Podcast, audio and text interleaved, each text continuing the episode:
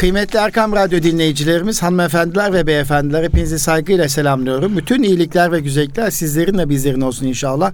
Geçtiğimiz hafta Eğitim Dünyası programında Profesör Doktor Ali Er Yılmaz hocamızla birlikte olduk ve öğrenme motivasyonu üzerine sohbet ettik. Pozitif öğretmene geçemedik bile. Evet biz de Ali hocamdan söz almıştık.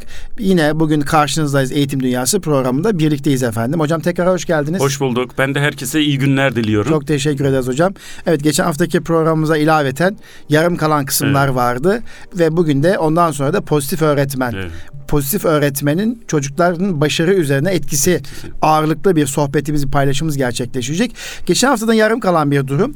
Evde e, aile çocukları nasıl motive edebilir? Evet, evet kesinlikle. Evet. Ee, şöyle biz e, okul boyutunu aldık bir önceki hafta. Evet. Sınıf ortamındaki aslında öğrenci öğrenmesi üzerinde durduk. Halbuki e, öğrenme ortamı sadece okullar değil, evde Tabii. çok önemli. Evde geçirilen zaman ve bu zamanın akademik faaliyetlere ayrılması da önemli bir faktör. Evet. Ben öğrencilerimle yapmış olduğum çalışmalarda e, evde ne yaparsanız, evde ne olursa ya da size ne olursa evde ders çalışma isteğiniz artar ya da azalır diye sordum. Hı-hı. Aslında motivasyon durumlarını evet. e, artırmak e, ve engelleyici faktörleri bulmaya çalıştım. Öncelikle ne yaparsa azalır bu çok önemli. Özellikle çocuklar şunu söylediler. Olumsuz beden ve duygu durumu içinde olduğumda ders çalışma isteğim azalıyor. E, ne demek bu? Öfkeli, sinirli olduğu zaman ders çalışma isteği azalıyor. Mutsuz olduğu zaman ders çalışma isteği azalıyor. Bedensel olarak özellikle yorgun, uykulu olduğu zaman, baş ağrısı olduğu zaman, rahatsız olduğu zaman ders çalışma isteği azalıyor ve morali bozuk olduğu zaman e, ders çalışma isteği azalıyor. E, bu çok ilginçti. 8 yıllık e, öğretmenlik hayatımda öğrencilerden şunun geri bildirimini aldım. Annem ve babam ders çalış dediğinde hiç çalışmak istemiyorum. Çok ilginçti. Kurşun evet. gibi geliyor hatta. Kurşun gibi geliyor. İnanılmazdı. Evet. Çünkü nedeni şu. Ya onlar bir insan. Öncelikle beden durumunu bir sor. Yani bugün duygu durumun nasıl? Hasta hmm. mısın? Rahat mısın? Nasıl geçti? Hiç bunu sormadan oğlum ders çalış.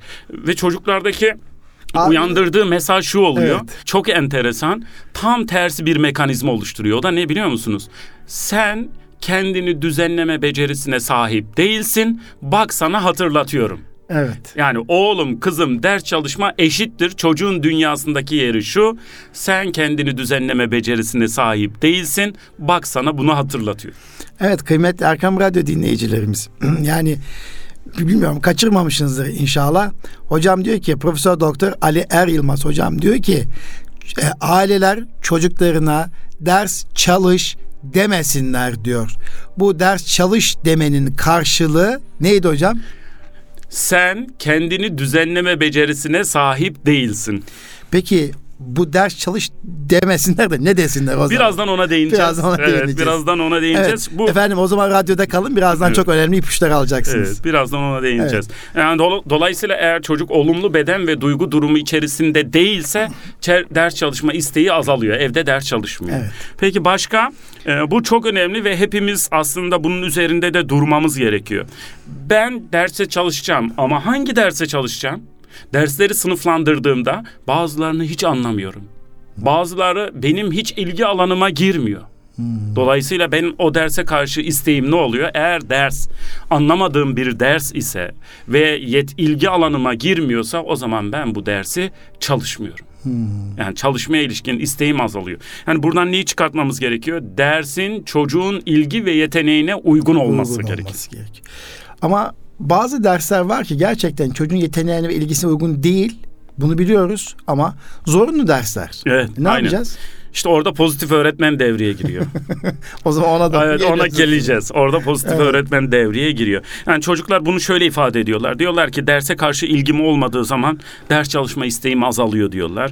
İşte okulda sevmediğim ders diyorlar aslında. Yani o sevmediği ders yapamadığı ders aslında. Hmm.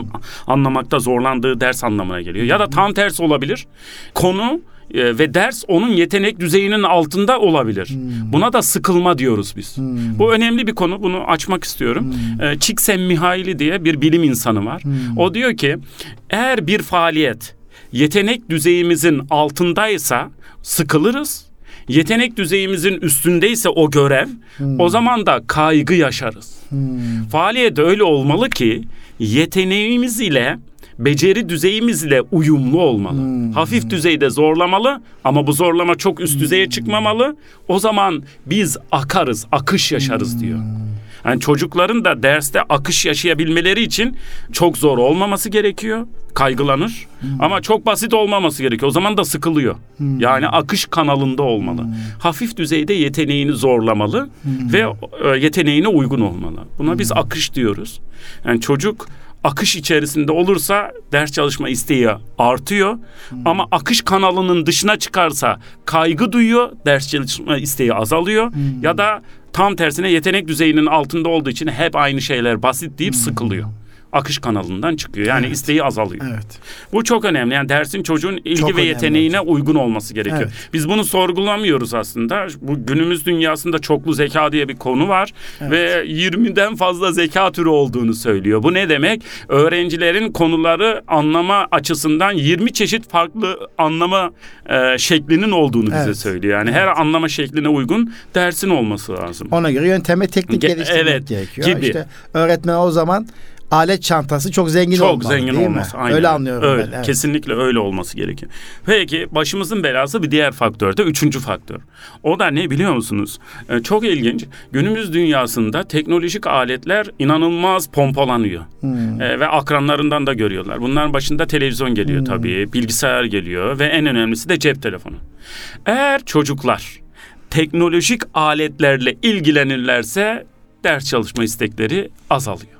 İnanılmaz bir şey. Bilgisayarla uğraşmak azaltıyor. Hmm. Cep telefonuyla uğraşmak azaltıyor. İnternetle uğraş, e, uğraşmak azaltıyor. Müzik dinlemek e, azaltıyor. Yani teknolojik aletlerle uğraşmak ders çalışma isteğini azaltıyor. Peki eğitim sistemimizi şimdi ben de kendimi öz eleştiri yapayım. Bir özel okul yöneticisiyim. E bakıyoruz birçok ödevleri dijital ortamda veriyoruz. Evet veriyoruz. Yani işte e, devlet okulundakiler EBA'dan takip ediyor. Süper. Biz ise süper. İngilizceyi falan programdan YouTube'dan evet, işte yönlendirme veya işte bir takım e, kitap okuma dijital ortamları var. Oradan İngilizce süper. ve Türkçe kitap okutuyoruz. Yani işte kodlama yapıyorlar, İngiliz bilgisayar üzerinde yapıyorlar. Evet. Yani her şeyi bilgisayar üzerinden yapmaya yönlendirir hale geldik. Süper. Çok Bunun güzel. artısı eksi ne o zaman? Mükemmel bir konuya temas ettiniz. Buna bir örnek vereceğim ve çok şaşırmıştım. Şimdi ben öğrencilerime 600 sayfalık bir kitap verdim. Derste işliyoruz. Ve çok ilginç biliyor musunuz? Çocukların çoğu kitap okumayıp sınıfta kalmayı tercih ettiler. Neden? Çok ilginç. Sizin ve benim zaman dilimimde teknolojik aletler yoktu. Ve biz kütüphaneye gidiyorduk. Kütüphanelerden kitapları okuyorduk. Onları özetliyorduk, anlamaya çalışıyorduk. Yani bilgi edinmek için bir bedel ödedik. Ödediğimiz bedel de bizde neyi geliştirdi? Çalışma becerilerini geliştirdi. Evet. Şimdiki nesil parmağını bir dokunduruyor. Bütün bilgi, bilgi orada. Orada. Şimdi kitap okumak ona ağır geliyor. Ağır geliyor. Ama size kolay geliyor. Bana kolay evet, geliyor. Evet. Çünkü niye? Biz deneyim olarak hmm. bunu kütüphanelere giderek yaptık ve diyoruz ki evet bize yük gelmiyor. Neyimiz gelişti? Çalışma becerilerimiz gelişti. Ama çok ilginç dezavantajı dediğimiz şey bu. Evet. Her şeyi teknolojik yaparsak o zaman çocuklarda kitap okuma ne oluyor aslında? Uzaklaşılan Peki, bir faaliyete dönüşüyor. Dijital ortamda şimdi kitap okumalar var biliyorsunuz. Artık şimdi bu bütün kitaplar yüklü olduğu programlar evet, var. Var Oradan, çok güzel. Ya ben yaşım gereği veya evet. siz de yaşınız gereği pek yapamazsınız ama şimdiki çocuklar bu beceri kazansalar olmaz Tabii, mı? Tabii teknolojiyi tamamen dünyamızdan çıkartmıyoruz ama bence teknolojiyi bilinçli kullanmanın eğitimini vermeliyiz. Eğitimini vermeliyiz. Yani şu an evet. itibariyle teknoloji haz hazımızı artırmanın aracı olarak gözüküyor ve bu tabii ki e, satmanın da bir e, yansıması. Ama biz buna kapılırsak o zaman haz odaklı kısmında yer alıyoruz. Evet. Aslında bilinçli olarak kullanırsak süper bir şey. Çok evet. önemli bir kaynak. Evet. evet. Doğru söylüyorsunuz. Yani birçok kaynak artık dijitalleşti evet. ve bu kaçınılmaz yani. Bizim de ona şimdi uyum sağlamamız sizin, gerekiyor. Bizim zamanımızda şimdi adı proje ödevi. O zamanlar dönem ödeviydi. Evet, aynen. Yani çizgisiz A4 kağıdına yazarsınız. Evet, aynen. E, düzgün yazabilmek için altına bir çizgili kağıt iliştirirsiniz. Süper, aynen. Dolma kalem olacak değil mi? Aynen. Yanlış yazıldı bir defa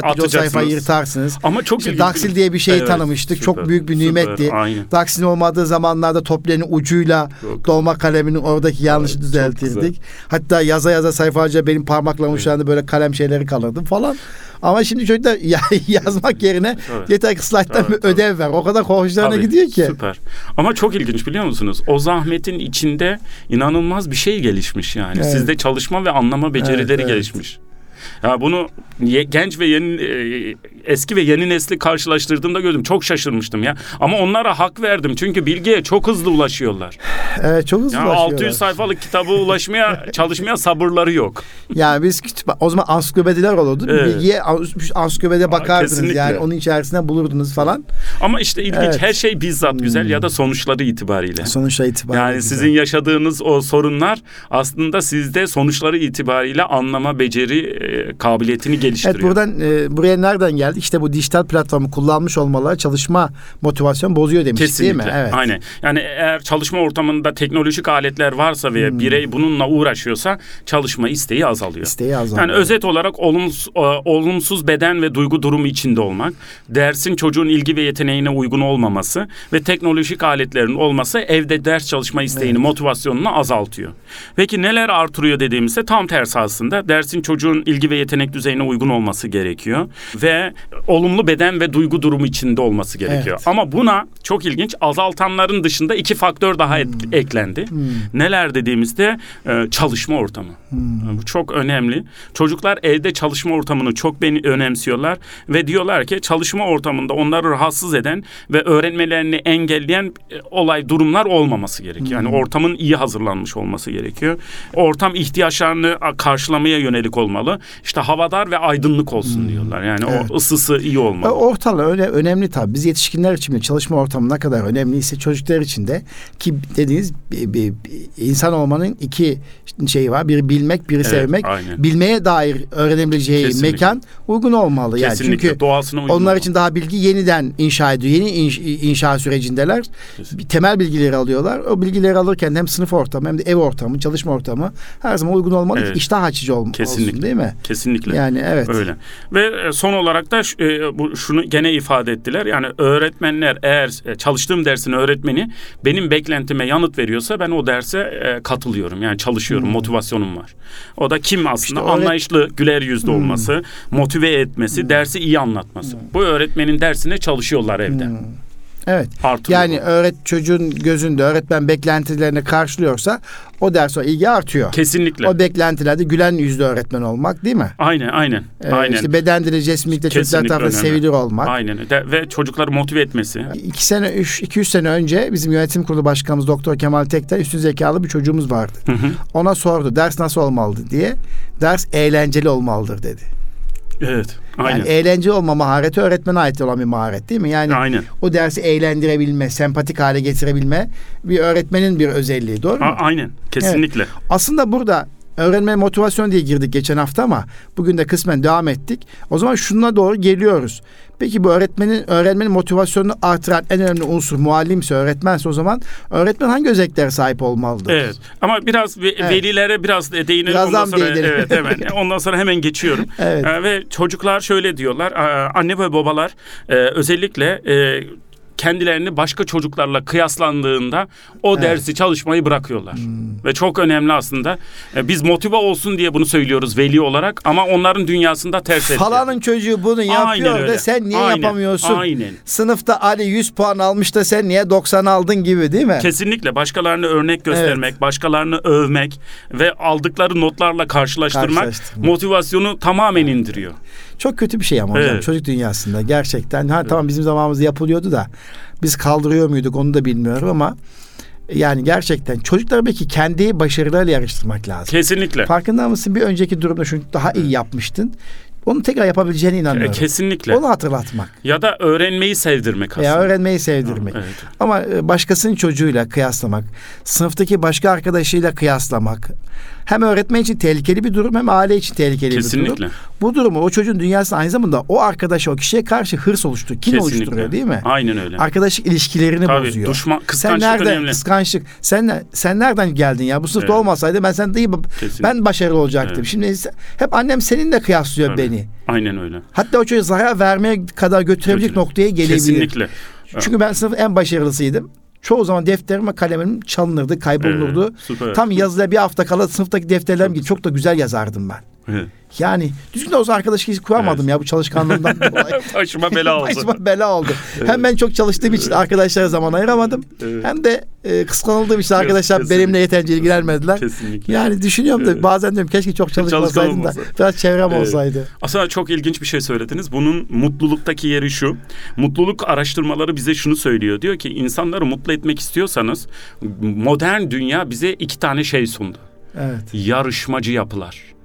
Yarışmacı yapılar neyi doğuruyor? Kıskançlığı doğuruyor. Ve kıskançlık da işbirliği yapmayı engelliyor ve bireyleri mutsuz ediyor. Evet. Yani anlattığınız tamamen bu. Doğru, doğru, doğru. Yani evet. siz çok çalışkan olarak e, ve karşılaştırarak yarışmacı yapıları harekete geçiriyorsunuz. Ve bu, bu bende hiç motivasyon oluşturmuyor ve bozuyor da yani. Bozuyor. Başkasının motivasyonunu da bozuyor. Evet, başkasının motivasyonu da bozuyor. Evet. Evet, çok önemli. Efendim aslında. ailelere başka ne söyleyelim o zaman öğretmene Evet, geçmeden Evet önce? yapmamaları Evet, kıyaslama kesinlikle yapmıyoruz. anlamsız. Ve e, ben şunu gözlemledim kendi hem öğretmenlik hayatımda hem de psikolojik danışman olarak hiçbir insan negatifle motive olmuyor. Bunun altını çiziyorum. Hiçbir insan negatifle motive olmuyor. Yani bir, bir harekete geçirmek istiyorsak O zaman ceza olmamalı negatif dediğimiz zaman. evet öyle. Ceza e, ceza şöyle Bu negatiften kastettiğimiz sözel anlamda sözel mı? Ha. anlamda olumsuzluklarla kimsenin motive olduğunu görmedim ben. Ama olumlularla motive olduklarını gördüm. O zaman hep ödül ağırlıklı mı olmalı motivasyon? Ö- Dışsal illa, motivasyonlar illa için. somut bir ödül olmasına Ha, gerek yok gerek aslında. yok. Söylemimiz, iletişim tarzımız, Hmm. bunun içinde kabalığı içermemeli, nezaketi içermeli. Hırslandırmaz mı bazen? Sen zaten adam olmazsın. Biliyorum deyip hırslandırmaz mı?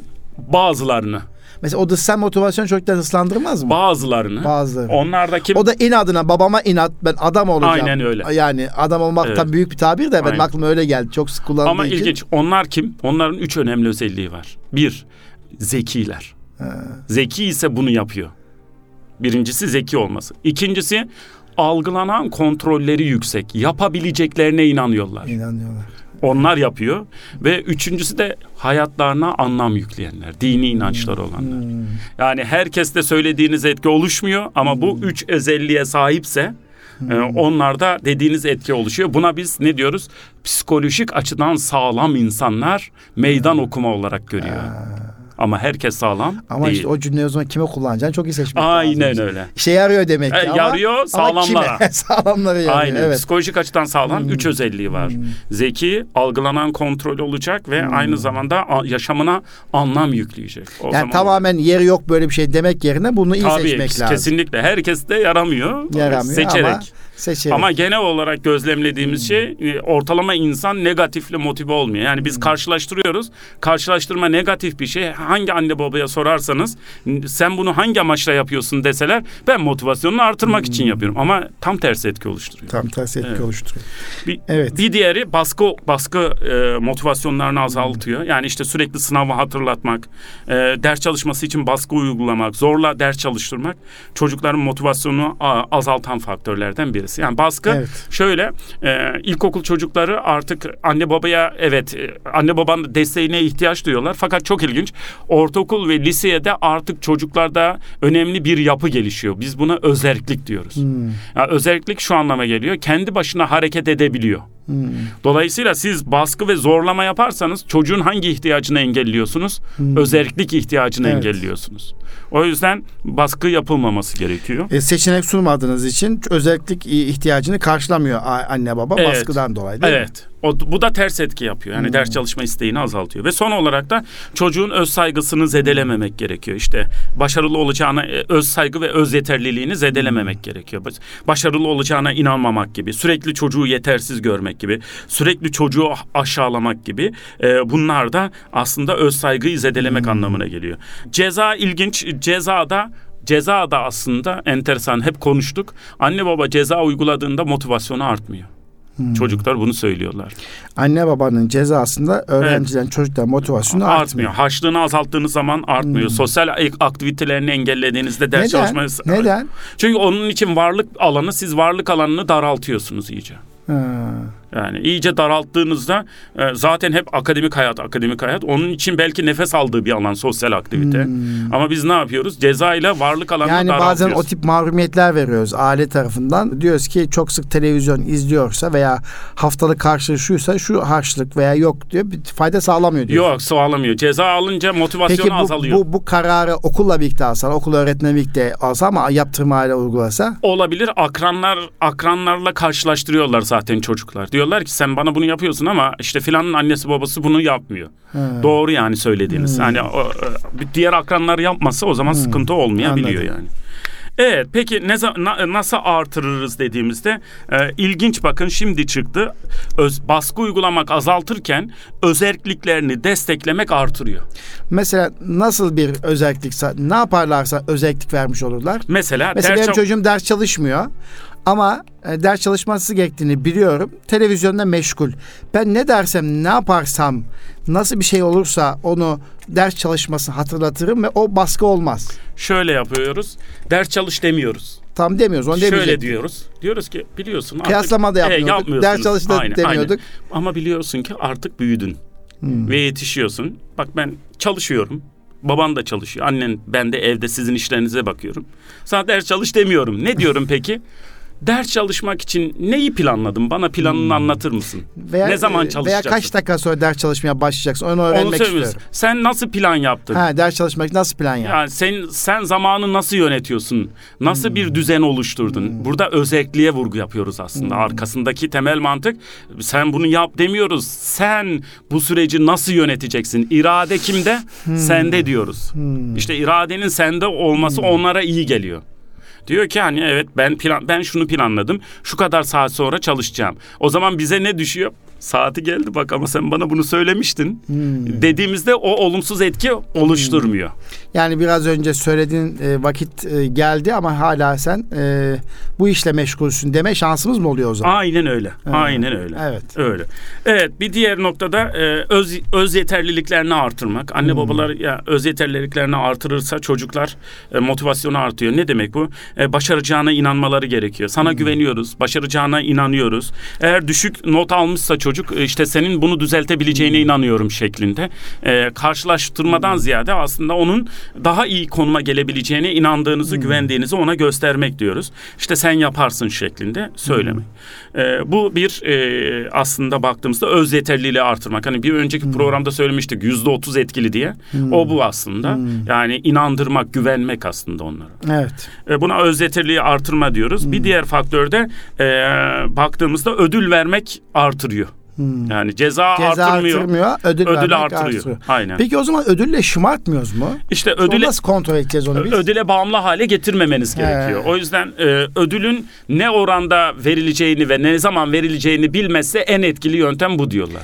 Ya tabii bazı ödüller somut ödüllerdir. İşte çocuğun elini alıp tutup o, görebileceği işte kalem almak, işte oyuncak almak veya işte cep telefonla oynama imkanı sunmak gibi bazı ödüller de var. Takdir etmek. Evet aynen öyle. Değil yani mi? somut yani, ödüllerden ziyade psikolojik ödüller psikolojik olabilir. ödüller gibi aynen, veya aynen. onun çok sevdiği e, bir pasta yapmak. Gerçi o da somut bir ödül. Evet. E, veya ne olabilir? O çocuğun benlik algısının hoşuna gidecek ve çalışma azmini artıracak sevdiği sosyal faaliyetlere yönelmek, Yöneltmek onu ödül olarak gibi, kullanabilirsiniz gibi, mesela. Evet. Varlık alanını genişletebilirsiniz. Evet, Yeteneklerini evet. geliştirici alanlar İşte bu noktada anne baba olarak çok ayarlayamıyoruz sanki. Yani evet. çocukları baş şımartma noktasına getirecek kadar ödüle boğuyoruz. Kesinlikle. Ki, yani yaptırım da e, belki kim çocuklar için işe yarar ödül daha çok işe yarar. Çok çok işe yarar. Ama işte onu e, işte nasıl olacağını evet. iyi planlamak lazım. Bununla ilgili size önemli bir bilgi vereyim. Biz bir önceki programda motivasyonu görmüştük. Ödül evet. kime yarıyor? Dışsal motivasyonu olana yarıyor. Hmm. Yapılan çalışmalar şunu göstermiş. Eğer siz içsel motivasyona sahipseniz mesela geliyorsunuz ders anlatıyorsunuz filan ama öğretmen diyor ki bu soruyu bilene yüz vereceğim. Ne yapıyor biliyor musunuz? Çok ilginç. Sizin içsel motivasyonunuzu bozuyor.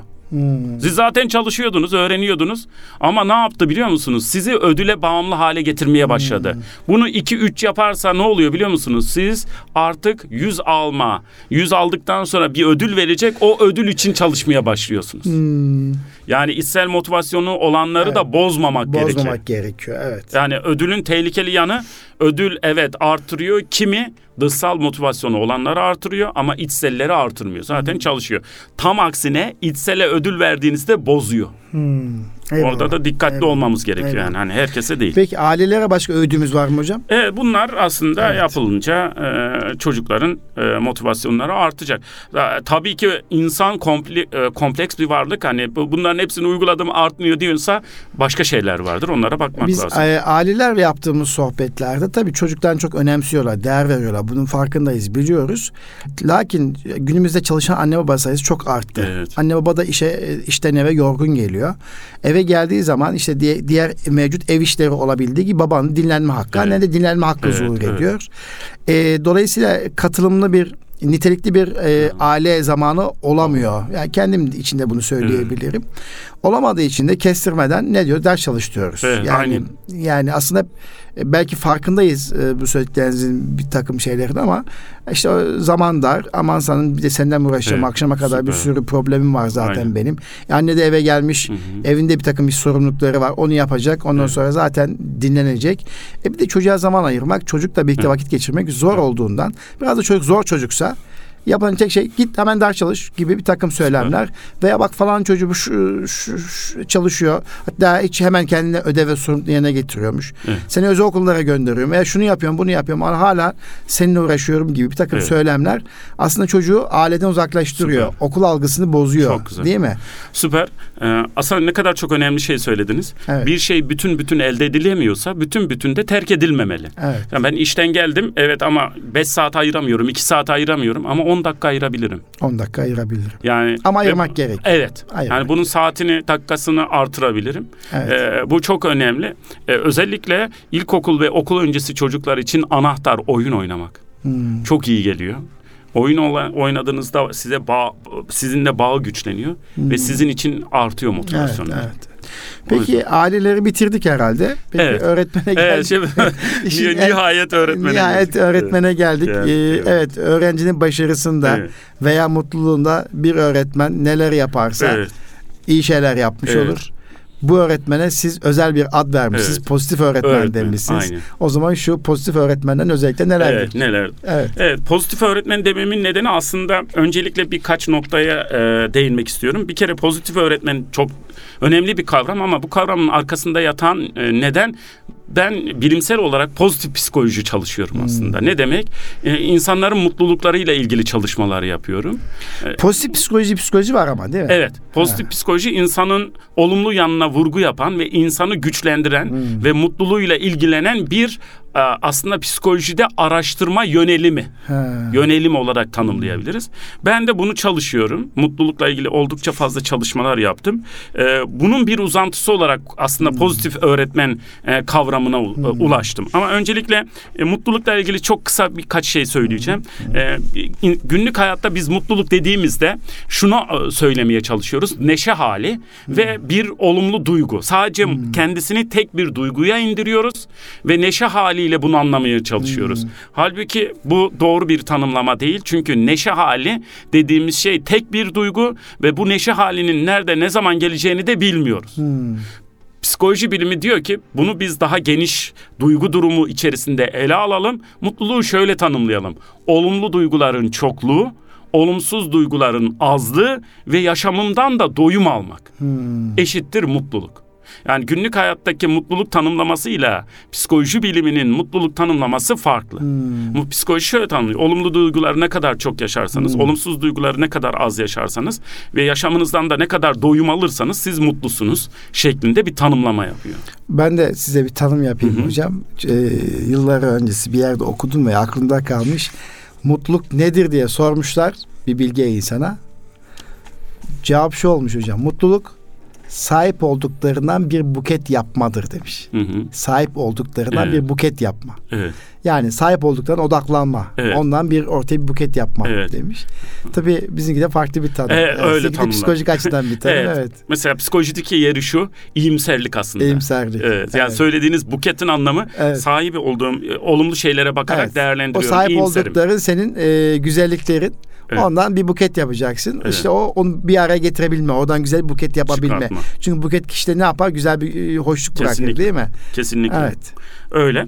E, ve yapılan çalışmalar ilginç mutlulukla ilgili çok e, fazla çalışmalar var ama enteresan bir çalışmayı söyleyip e, pozitif öğretmene Evet, geçmek evet. istiyorum. Lotodan trilyon kazanan insanları incelemişler. Ya bu insanların mutluluğu ne kadar sürmüş? Ve aynı zamanda trafik kazası geçirmiş, omurilik felcine uğramış insanları da incelemişler. Demişler ki bu insanların da mutsuzlukları ne kadar sürmüş. Hmm. Ve çok ilginç bir sonuca ulaşmışlar.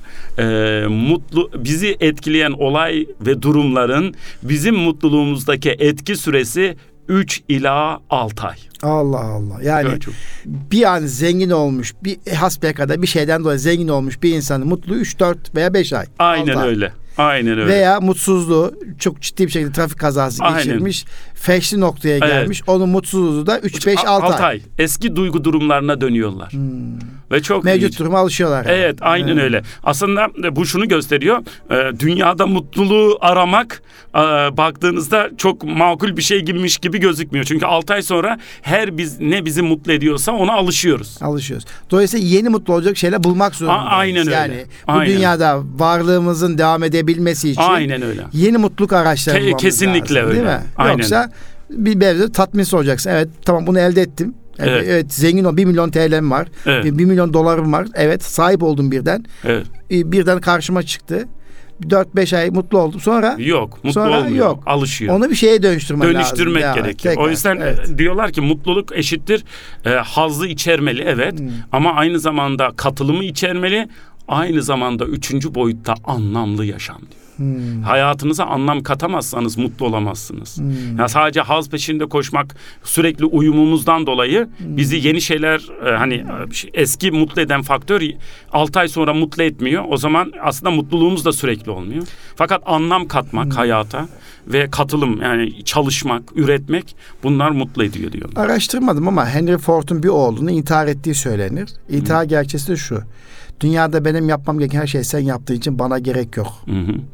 Evet işte anlam Çünkü anlamıyor. Evet anlam yok. zenginim, varlığım, Aynen, aynen yok. e, otomobil motor Aynen, üreticisi, e, bir babanın Aynen. çocuğu ama kendisi yapacağı hiçbir şey bırakmamış şey yok. babayı veya Aynen. hiç sorumluluk vermemiş. Benim yapmam gereken her şeyi sen yaptığın Aynen. için benim dünyada yaşamama gerek yok. Süper. Yani İşte o anlam o boyutu da mutluluk önemli. bittiği zaman, o anlam bittiği zaman gerçekten dünyanın e, aslında niye varım ki ben? Evet, aynen. Anlam çok önemli. Ee, peki mutluluğun kaynakları neler dediğimizde bilim bunun yüzdelerini bulmuş. Yüzde on e, demografik faktörler. Yani Hmm. yaşınız, cinsiyetiniz, geliriniz, eğitim durumunuz toplam etki büyüklüğü yüzde on. Hmm, Aslında çok düşük çok yani. düşük. Ee, Peki di- diğerlerini diğerlerini söylüyorum. Evet. Ee, geriye kaldı yüzde 90. evet yüzde ellisini de bulmuş. Yüzde ellisi de kişilik özellikler. Ha. Ee, şimdi değineceğim. Ona birazdan Yüzde ki- elli, yüzde on da demografik özellikle, evet, yüzde altmış, 60. yüzde kırk kaldı. Evet, yüzde 40 ne? Bizim zaten oynayabileceğimiz alan yüzde 40. Çünkü Hmm. kişiliğiniz biyolojik temelli Ha. ve değiştiremiyorsunuz. Değiştiremiyorsunuz. O zaman cin, hani gelir, cinsiyet, eğitim düzeyi çok değiştik, değişen bir şey değil. Ee, peki kişilik özellikleri de değişmiyor. Neyi yapacağız? Ee, Yüzde 40 mutluluğu artırma stratejileri. Hmm. Bunu uygularsanız oynayabileceğimiz alan burası aslında yüzde 40. Neler bunlar? Çevreye pozitif tepki vermek, çevreden pozitif tepki almak, Hmm. istekleri doyurmak, mutluluğu korumak. Hmm. Buna da mental kontrol deniyor. Ve dini inancınızın gereğini yerine Hmm. getirmek. Bu beş stratejiyi kullanırsanız yüzde 40'a oynamış oluyorsunuz. Yani artırmış Hmm. Evet, oluyor. evet. Evet burada pozitif Evet, öğretmene geleceksek. öğretmene evet. geleceksek, evet. Süper. Ee, kişilik özellikleri çok önemli aslında. Ee, hepimiz kişilik özelliği kişilik özelliklerimizi her yere taşıyoruz. Ee, dolayısıyla öğretmen de yaptığı işe taşıyor. Hmm. Ve ben önce şunu yapmaya çalıştım. Kendi e, öğretmenlik deneyimlerimle de de bir takım öğrenciler bana geldiler. "E, hocam işte kapınızı sileyim, pencerenizi sileyim. Ne olur şu öğretmenin dersine gitmeyeyim. Hmm. Sonra dedim ki niye acaba gitmiyor bunlar? Bana anlattılar. Ee, sınıfta öğrenciyi aşağılıyor. İşte 450 puan almış. Çocuğa şunu söylüyor. Siz diyor Allah mı getirdi buraya? Kendi zekanızla gelmediniz diye. Hmm. Ee, inanılmaz olumsuz tepkiler veriyor. Sonra bunun üzerine dedim ki ben o zaman şöyle bir şey yapayım. Öğretmenleri üç sınıfa ayırayım. Sevilen, sevilmeyen ve nötr. Hmm. Sonra da öğrencilere sorayım. Diyeyim ki sevilen öğretmenin kişilik özellikleri neler? Sevilmeyen öğretmenlerin kişilik özellikleri neler? Nötrlerin neler? Hmm. Sonra bir karşılaştırayım. Acaba kişilik özellikler açısından farklılık olacak mı? Hmm. Buna baktım. Bununla beraber çocukların mutluluk düzeylerine baktım. Hmm. Sevilen öğretmen sevilmeyen öğretmen ve nötr öğretmen. Bunlardan hangisi daha çok mutlu ediyor? Hmm. Ve aynı zamanda üçüncü değişken olarak da akademik başarılarına baktım. Evet. Yani sevilen öğretmende, sevilmeyende ve nötrde başarıların ne kadar aslında diye inceledim ve ilginç sonuçlara ulaştım. Ee, bizim demin değindiğimiz kişilik özelliklerinin yüzde ellisi burada devreye e, girdi ve çok önemli. Sevilen öğretmenin, öğrencilerinin akademik başarıları yüzde yirmi beş daha fazla sevilen öğretmenlerin, öğrencilerinin Aynen. akademik başarısı yüzde 25 daha, daha fazla. fazla. Diğerlerine göre hmm. nötr ve özellikle hmm. sevilmeyen öğretmene göre. Yani bu çok önemli. önemli Akademik bir, dört, evet, başarının evet. dörtte birini sevilen evet. öğretmenden görüyoruz. Dolayısıyla bir öğretmen yapacağı ilk şey önce çocuklar kendisi sevdirmek diyoruz. Boşa demiyoruz. Demiyoruz. Aynen. Evet. Onun anlamı e, yüzde yirmi beş öndesin. Evet, kesinlikle. Onun anlamı nedir dediğimizde birçok anlamı var. Bir boyutu kişilik özellikleri. Evet. Peki bu e, sevilen öğretmenlerin kişilik özellikleri nasıl dediğimizde e, günümüzde beş faktörlü kişilik modeli var. En çok bununla ilgili çalışmalar yapılıyor. Sevilen öğretmen bir dışa dönük demektir. Hmm. Ne demek dışa dönük? E, konuşkan hmm. ve enerjik. Hmm. Sosyal ilgi alanları geniş bunların. Hmm. Bu öğretmenlere biz dışa dönük diyoruz. Sosyal ilgi alanları geniş derken bir hobisi var vesaire. Aynen öyle. Evet. Aynen Kimisi hobisi var. çalıyor. E, aynen. spor ilgisi Edebiyata var. ilgisi var, şiire var. var. Evet. Öyle, o şekilde diyebilirim. Veya işte e, sosyal sorumluluk projesi çerçevesi insanın sürekli iletişim halinde Kesinlikle. gibi. Evet. Kesinlikle. Bunlar dışa dönük diyoruz. Hmm. Birazdan pozitif öğretmeni de göreceğiz zaten. Ee, bir diğeri sorumluluk kişilik özelliği. Bu çok önemli. Ee, sorumluluk önemli bir kişilik özelliği. Hmm. Ee, ergenlikten yetişkinliğe doğru artan kişilik özelliğimiz. Yani ergenler ve çocuklar hmm. e, sorumluluk açısından yetişkinlikten daha düşük düzeydeler. Hmm. Ama yaşla birlikte artıyor sorumluluk kişilik hmm. özelliği. Bu önemli bir kişilik özelliği. Peki bunun özelliği nedir dediğimizde kişinin yaptığı işe önem vermesi, hmm. E, dikkatli olması, düzenli olması ve çalışkan olması. Bunlar sorumluluk kişilik özelliği anlamına geliyor. E, ilginçtir. E, mutlulukla ilişkili bir kişilik özelliği. Hem ergenlerde hem yetişkinlerde hem de üniversite öğrencilerinde sorumluluk arttıkça mutluluk arttı ama yaşlılarda tam ters oldu yaptığım çalışmada sorumluluk arttıkça mutluluk arttı. Arttı. Ergen ve gençlerde Genç, ve yetişkinlerde. Yetişkinlerde. Yaşlılarda azaldı. Ama yaşlılarda azaldı. Yani Çünkü, şu mu? Yaşlılar için sorumlulukları arttıkça mutsuz oluyorlar. Mutsuz oluyorlar. Nedeni şu. Evet. Yaşla birlikte kayıplarımız artıyor görme azalıyor, evet. işitme azalıyor. Evet. Ruhsal anlamda e, sağlığımız da yavaş yavaş Yaş, bozuluyor. bozuluyor. Dolayısıyla sorumluluk yük anlamına geliyor. Hmm. Yani Peki o sınırı var mıdır? İşte 50 yaş, 60 yaş, 65 yaş, 70 oradaki yaşlanmanın sınırı 65 nedir? ve sonrasını 65, yaşlı olarak görüyorlar. 65 yaş evet. ve sonrası Onu da kendi içerisinde üçe ayırıyorlar. Diyorlar ki genç yaşlı 65 75, evet. yaşlı yaşlı 75 85 evet. ve en yaşlı. Evet, 85 evet. ve yukarısı. 85 ve yukarısı en yaşlı. Evet. evet. Şöyle ilginç olmuş. 1990'larda ortalama ömür 39 yılmış. Şu an 79'a çıkmış. Ortalama ömür. ömür. İnanılmaz yani 40 yıllık bir artış var. Evet. Dolayısıyla bu yaşlılığı da kendi içerisinde dönemlere ayırmaya gerektirmiş. Gerekiyor. Evet. evet. E, dolayısıyla sorumluluk önemli bir kişilik özelliği. Evet. Ergenleri ve çocukları mutlu ediyor, yetişkinleri mutlu Hı. ediyor ama yaşlılıkta etkisi çıkmadı. Yumuşak başlılık bir diğer kişilik özelliği. Öğretmenlerin, sevilen öğretmenlerin yumuşak başlı olmalarını istiyorlar. Bunların özellikleri merhametliler Hı. ve affediciler e, ve düşmanca tepkileri yok. Anlamaya çalışıyorlar, kavramaya çalışıyorlar. Hı. Bunlara yumuşak başlı diyoruz. Hı. Bir diğeri ee, bu çok önemli. Duygusal açıdan dengeli olmak. Hmm. Ee, bunların özelliği ne dediğimizde çocukları a, aslında çok iyi, iyi davranıyorlar, güvenilirler ve hmm. biz onların duygu durumlarını tahmin edebiliyoruz. Hmm. Bunlara duygusal açıdan dengeli diyoruz. Hmm. Tam tersi duygusal açıdan dengesiz nevrotik. Hmm. Nevrotikler sevilmeyen öğretmenlerin özellikleri hmm. ama dengeli olanlar ise sevilen öğretmenler. Peki bu duygusal anlamda dengeli olabilmeyi tabii ciddi açmak lazım aslında. Evet aynen. Ve belki bir radyo konusu. Kesinlikle yani. öyle. Duygusal anlamda dengeli olabilmek ne demek? Evet aynen öyle. Açmak lazım çünkü ruh sağlığı boyutu da var aynı zamanda. Değil mi? Ruh sağlığı boyutu Kesinlikle da var. öyle. Evet. Ee, bir öğretmen duygusal anlamda nasıl dengeli evet, olur? aynen. Ve duygusal anlamda dengesizliği nasıl anlaşılır? Aynen. Ya işte bak öğretmenlik çok zor bir zanaat Zor. ya. Aynen öyle. Zor. Çok zor. Yani zor bir zanaat. Çok zor. zor İnanılmaz bir iş. Nurettin Topçu diyor ya öğretmenler için. Öğretmenler ruhların sanatkarıdır diyor. Zaten dünyanın en büyük mesuliyetli işi muallimliktir diyor. Kesinlikle. En büyük mesuliyetli bir Kesinlikle. iş. Nurettin Topçu. Evet Aynen. hocam. Bir diğer kişilik özelliği de deneyimi açıklar bunlar. Hmm. Bu ne demek? Deneyim açıklık aslında zeka anlamına geliyor. İşte yeni fikirler, yeni düşünceler, yeni öğretim tekniklerini uyguluyorsa bu deneyimi açık öğretmen hmm. anlamına evet. geliyor. Yani özet olarak öğretmen dışa dönük Yeni olursa. şeyleri öğrenme istekli öğretmen. Kesinlikle. Deneyimi açık yani statüyü koruyan değil. Değil. Farklı şeyler öğrenmek, aynen, çağın aynen. gerektiği ihtiyaçları doğrultusunda kendini yenileyen, Kesinlikle. değiştiren, geliştiren öğretmen. Kesinlikle. Deneyimi açık evet. Kesinlikle bunlar ve hani özetleyecek olursak dışa dönük olmalı, hmm. sorumluluk sahibi olmalı, yumuşak başlı olmalı, hmm. duygusal açıdan dengeli olmalı ve deneyimi açık olmalı. Yumuşak başlı içerisinde bir özellikle merhamet duygusu. Kesinlikle merhamet. merhamet. Aynen evet. öyle. Merhamet çok önemli. E, merhamet duygusu olmayan bir öğretmen de öğrencide merhamet duygusunu yerleştiremez hocam. Kesinlikle. O zaman da öğrenci çok ciddi anlamda eksik kalır. Kesinlikle. Diyor ki yine Nurettin Topçu'nun bir sözü aklıma geldi. Sınıf öğretmeni için söylüyor. Sınıf öğretmeni bir doktor gibidir. Hı hı. Yapacağı ilk aşı merhamet aşısıdır diyor. Süper yapacağı ilk aşı merhamet aşısı, ikinci aşı hürmet aşısı. Hı hı. Yani saygı. saygı evet. Üçüncü aşı sevgi aşısıdır diyor. Süper. Hemen sorsanız bir öğretmenin vereceği ilk aşı yapması ilk şey nedir dersiniz. Evet. Belki sevgi dersiniz ama ilk şey diyor merhamet. O zaman merhametli olması Kesinlikle lazım. Kesinlikle öyle. Çünkü Yumuşak başlı. Merhamet etmeyen başkasına merhamet Kesinlikle. edemez hocam yani. Öyle. Kendisine merhamet duygusu olacak. Hani şefkat diyoruz Aynen ya. Öyle. Yani o, o yüzden kadınlar daha fazla bu mesleği seçiyor. Evet kadınlar daha fazla bu mesleği. O merhamet kendine merhamet hocam, arkadaşlarına evet, merhamet, sırasına merhamet, Aynen. kalemine merhamet, Bravo. silgiye merhamet, hocam kediye merhamet, Aynen. köpeğe merhamet. Öyle. Çok büyük bir şey, büyük Kesinlikle. bir kavram hocam. Kesinlikle. Yani bu merhamet eğitimi nasıl verilir bir de bunun durmak e, Aynen. lazım belki. Son de zamanlarda öz şefkat diye geçiyor öz aslında. Şefkat, Söylediğiniz yani. konunun psikolojideki evet, yeri bu. Şefkat gösterme. Evet, evet. Ayrı bir konu dediğiniz Ayrı bir gibi konu, çalışmak gerek. Evet. Ee, burada çok gerek. ilginç bir tane özellik çıktı. Bunun beş tanesi kişilik özelliği olarak geçiyor.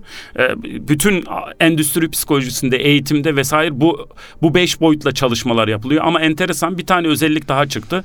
O da sevecenlik diyorlar. Hmm. Yani bu kişilik özelliği olarak çıktı. İlginçti. Hmm. Bizim öğrencilerin hepsi söylüyorlar. Sevecen kişinin özelliği de şu aslında sosyal psikolojide geçiyor. Diyor ki sevecen insan aslında olayları, varlıkları kabul eden insandır. evet. Yani olumlu olumsuz yönleriyle kabul ediyorsanız aslında sevecenliğiniz var demek. Hemen şöyle bir soru gelir, gelebilir veya benim de aklıma geldi. Ee, pek sevecen olunca da acaba sınıf yönetiminde zafiyet yaşar mı diye bir kaygı olur mu? Onu nasıl muhafaza eder? O sevecenlikle Hı-hı. sınıf yönetimindeki otoriteyi nasıl dengeler? Hı-hı. İşte orada çok önemli aslında birçok tutumlarla ilişkili. Evet. E, yapılan çalışmaların pek çoğu hem anne babalar için hem de öğretmenler için demokratik tutumun daha etkili olduğunu Hı-hı. bulmuş. Peki bu demokratik tutum ne? Çocuğun taleplerine yanıt vermek ama aynı zamanda sınır koymak. Sınır koymak. Yani evet. dediğiniz şey sadece öğrencinin taleplerine yanıt vermek oluyor. Hı-hı. Eğer sadece öğrencinin taleplerine yanıt verirseniz sınır koymazsanız el öyle kaptırırsınız. Öyle zaman herkes sever ama Aynen. ders işleyemezsin. İşleyemezsiniz. Dediklerini yaptıramazsın. Aynen Sorumluluk bilinci geliştiremezsin. Kesinlikle. Yani seve onun için sordum bu evet, soruyu. Süper yani soru. Sevecenlikten ne anlayalım, Çok nasıl güzel. yapalım diye. İşte hem talebine yanıt evet. verip hem de siz sınır oluşturmalısınız. Evet, sınır o zaman doğru. Bu dengeyi yani, korumak. Kesinlikle. Hani tatlı sert diye bir tabir var Aynen ya. öyle. Ama çocuk hep tatlı tarafında seni seveceğim bulacak. Kesinlikle. Ama istendiği zaman da kurallar koyan evet. ve beklentilerini alan bir öğretmen olarak değerlendirecek. Kesinlikle öyle değerlendirecek ama evet. zaten bizim çalışma şunu göstermişti. Yumuşak başlılık evet etkili, sevecenlik etkili ama neyi koydu yanına? Sorumluluk, kişilik Sorumluluk, özelliği. Kişilik özelliği koydu. Yani biz sevecenliğimizi yumuşak başlılıkla hmm. ve sevecenlikle kabulü sağlıyoruz ama sorumlulukla da sınır koyuyoruz. Sınır koyuyoruz. Yani diğer kişilik özellikleri hmm. de destekliyor aslında. Evet, son, son olarak son, olarak, son beş dakikamız evet, kaldı. Süper. Evet. Pozitif öğretmene gelelim. Şimdi sonra bu öğretmenleri karşılaştırdıktan sonra dedim ki ben şunu çalışayım ya aslında ilginç. Sevilen öğretmenler aslında çocuklarda olumlu duyguları yaşatan evet. ve çocukları mutlu eden öğretmenler. Hmm. O zaman ben bir daha sorgulayayım. Bu öğretmenler kim? kim? Yani özellikleri neler? Evet. Ve bu, bunun için çalışma yapmaya başladım. Ve çalışma yapınca ilginç öncelikle şunları sordum. Yani olumlu bir, bir takım olumlu duyguları sordum. Dedim ki bu olumlu duyguları nasıl çıkartıyor öğretmenin? Hmm. sevilen öğretmen hmm. ve aslında pozitif öğretmen. Hmm. Mesela e, bir birkaç duyguya değindiğimde e, göreceğiz. E, örneğin derse karşı ilgili olma duygusu. Hmm. Yani bu öğretmen nasıl yapıyor diye sorduğumda hmm. dediler ki e, bize yakın yakın davranıyor dediler. Hmm. Bu çok önemliydi. Yakın davranması ne demek dediğimizde işte sınıfın dışında da bizimle ilgileniyorlar aslında. E, ve aynı zamanda benim kişisel problemlerimle de ilgileniyor dediler. E, bu e, önemliydi yakınlık göstermek. Hmm. Bir diğer e, yöntem olarak dediler ki etkili öğretim yöntemlerini kullanıyorlar. Yani sadece sandalyede oturarak ders anlatmıyor bize. Hmm. Farklı e, öğretim yöntemlerini kullandıklarını da söylediler. Ve aynı zamanda konuyla ilgili farklı örnekleri de anlattıklarını ifade ettiler bu öğretmenlerin. Yani etkili öğretim yöntemlerini kullandıklarını söylediler. Böylece dersi olan ilgilerini artırıyor. Başka aynı zamanda e, çocukların e, bir öncekinde de söylemiştik e, akış yaşamalarına izin veriyor. Ne demek? Konuyu anlatırken yetenek düzeylerine çok yakın anlatıyor bu öğretmenler ve çocuklar derste e, akış yaşıyorlar ve aynı zamanda e, olumlu kişilik özelliklerini yansıtıyorlar. Mesela yumuşak başlılık, Mesela e, dışa dönüklük gibi olumlu özellikleri yansıttıklarını ifade ettiler. Çocuklara rehber oluyorlar aslında bir diğer boyutuydu. İşte gerektiği zaman ne yapmalarıyla ilgili e, yönlendirmede bulunmak gibi ve toplumsal hayatıyla ilgili de problemlerine çözüm bulmaya çalışıyorlar. Ve çocukların algılanan kontrollerini yükseltiyorlar. Yani sen yapabilirsin bunu anlayabiliyorsun dediler. Bu mesela sadece sınıfta ilgili olma duygusu için ne yapıyor şeklinde ver, soruya ve, e, sorulan soruya bir yanıttı yaptı. Peki onu ben şöyle yaptım. Bütün olumlu duyguları ortaya çıkartacak daha genel özellikler var mı? Bunun üzerinde durduğumda da e, aslında altı tane özellik çıktı. Pozitif öğretmen evet. hem çocukların başarısını artıran hem de çocukların olumlu duygular yaşamalarına neden olan öğretmen diyoruz. Pozitif öğretmenin altı özelliği değil mi hocam? Evet altı evet. özelliği. Şimdi neden bu konuyu önemsiyorum? Mutluluk çalışmaları bize şunu söylüyor. Eğer biz öğrencilere olumlu duygular yaşatırsak üç tane şey gerçekleşiyor. Bu çok önemli. Olumlu duygular kapasite inşa ediyor. İki, bakış açısını genişleterek daha iyi problem çözmelerine yardımcı oluyor. Üçüncüsü de geçmişin olumsuzluklarını tamir ediyor. Hmm. Yani ne demek bu? Çocukların yeteneklerinin ortaya çıkması için sınıfta olumlu duygu yaşamaları gerekiyor. Hmm problem çözebilmeleri için, bakış açılarının genişlemesi için olumlu duygu yaşamaları gerekiyor ve aynı zamanda bu üçüncüsü de çok önemli. Geçmişte ben akademik hayata ve öğrenmeye karşı olumsuz tutum içinde olabilirim ama öğretmen bana sınıfta olumlu duygu yaşatırsa o geçmişteki olumsuz anılarımı da tamir ediyor olumlu duygular. Hmm. Bu çok çok önemli bir şey evet. şey aslında. Peki bu olumlu duyguları çıkartacak öğretmen özellikleri aslında pozitif öğretmen. Evet. Peki pozitif öğretmenin özellikleri neler dediğimizde çocuklara akış yaşatmak. Hmm. Derste akış yaşatan öğretmen aslında pozitif öğretmendir. Bunu nasıl yapıyor? Dersi çocukların anlayabileceği düzeyde anlatıyor. Ve dersi anlatırken dersi ilginç hale getirerek dersten kopmayı engelliyor aslında. Hı hı hı. Ve aynı zamanda sürekli öğrencilerin derste merak duygusunu canlı tutuyor. Hmm. Bunlar yapınca çocuklar akış yaşıyor. Hmm. Ve olumlu duyguları artıyor. Ya akış aslında bir nokta zihin başka bir yere kaymaya, kaymıyor kaymıyor. Sürekli Aynen. öğretmeni anlatacaklardı. Çünkü sürekli meraklandırıyor Süper. ve öğrencinin ilgisini artırıyor. Hem öyle hem de yetenek düzeyine uygun anlatıyor. Yetenek düzeyine uygun anlatıyor. Evet. Kesinlikle. Bir diğer boyutuna baktığımızda öz yeterliliğini artırıyor çocukların. Hmm. İkinci özelliği bu. Bunu nasıl gerçekleştiriyor? Başarısız olduklarını değil de başarılı olduklarını hmm. hissettirerek. Hmm. Daha önce konuşmuştuk. Yetenek düzeyini bilebildiği soruları soruyor gerekirse. Yani çocuk başarı duygusunu hissetsin ve olumluyla motive olsun e, diye. Tabii sürekli başarısız yaşayan bir çocuk belli bir zaman sonra öğrenilmiş çaresizlik kesinlikle değil mi hocam? Kesinlikle. Evet. Bunu nasıl gerçekleştiriyor? Çocukların kendilerinin ne kadar yetenekli olduklarını gösterme fırsatını sunuyor hmm. ve aynı zamanda e, doğru çözümü çocuk anlayacak anlayıncaya kadar da anlatıyor aslında. Böyle yaparak başarılı olabileceği konusunda onları destekleyerek öz yeterliği destekliyor. Yani ikincisi, birincisi akış yaşatmak, ikincisi öz yeterliliği yükseltmek. Üçüncü özellikleri deminden beri konuştuk aslında dışa dönükler. Peki dışa dönük ne demek? Sosyal, cana yakın, ilgi alanları gelişmiş, sevecen, güler yüzlü. Bunlar e, dışa dönük kişilik özelliğine Evet. sahipler. Bu da üçüncü özelliği. Peki dördüncü özelliğine konuyu anlatırken somutlaştırarak anlatıyorlar. En önemli özellikleri bu. Ne yapıyor bunun için? Günlük hayattan örnekler veriyor. Derste değişik hikayeler anlatıyor. Kendi hayatından örnekler veriyor. İlginç örnekler veriyor.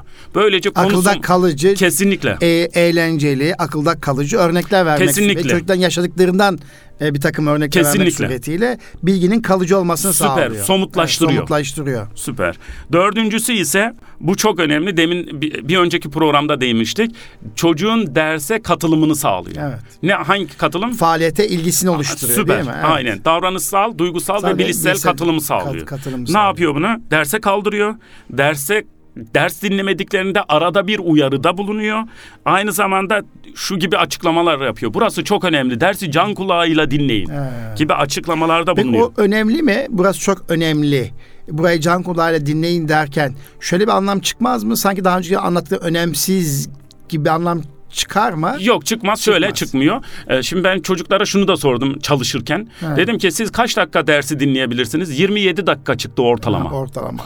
yani o 27 dakikadan sonra çocuklar katılım azalıyor. Güçlü, güçlü bir uyaran vermek Ver gerekiyor. gerekiyor. Veya işte e, bu soru ÖSS'de veya AYT'de veya LGS'de çıkmıştı. Çok önemli bir soru. Aynen hemen uyandırıyor. yani L8 sınıf Süper, öğrencisi aynen. veya üniversite öğrencisi Kesinlikle. değil mi? İnanılmazdı. Veya ben bu soruyu yazılıda soracağım. Aynen aynen. Ve çocukların verdiği süreleri topladım ve Evet. çocuk sayısına böldüğümde ortalama 27-28 dakika çıktı. Evet. İnanılmaz düşüyor ondan sonra. Düşüyor değil mi? Ya siz Tabii öğretmenseniz isterseniz. görüyorsunuz Tabii, zaten. tabii canım yani. Zaten öğretmen gözünün içine bakarak çocuk motivasyon düşmüşlüğünü fark eden kişidir. Evet. O zaman aslında bu soruyu ne zaman katılımlara azaldığı zaman Azaldığı sormak, zaman soracak, evet. sormak lazım. Yani. Hocam birkaç dakikamız Evet, kaldı. son olarak Evet. da e, en son söyleyeceğimiz şeyde bitiriyoruz. Biz insanız.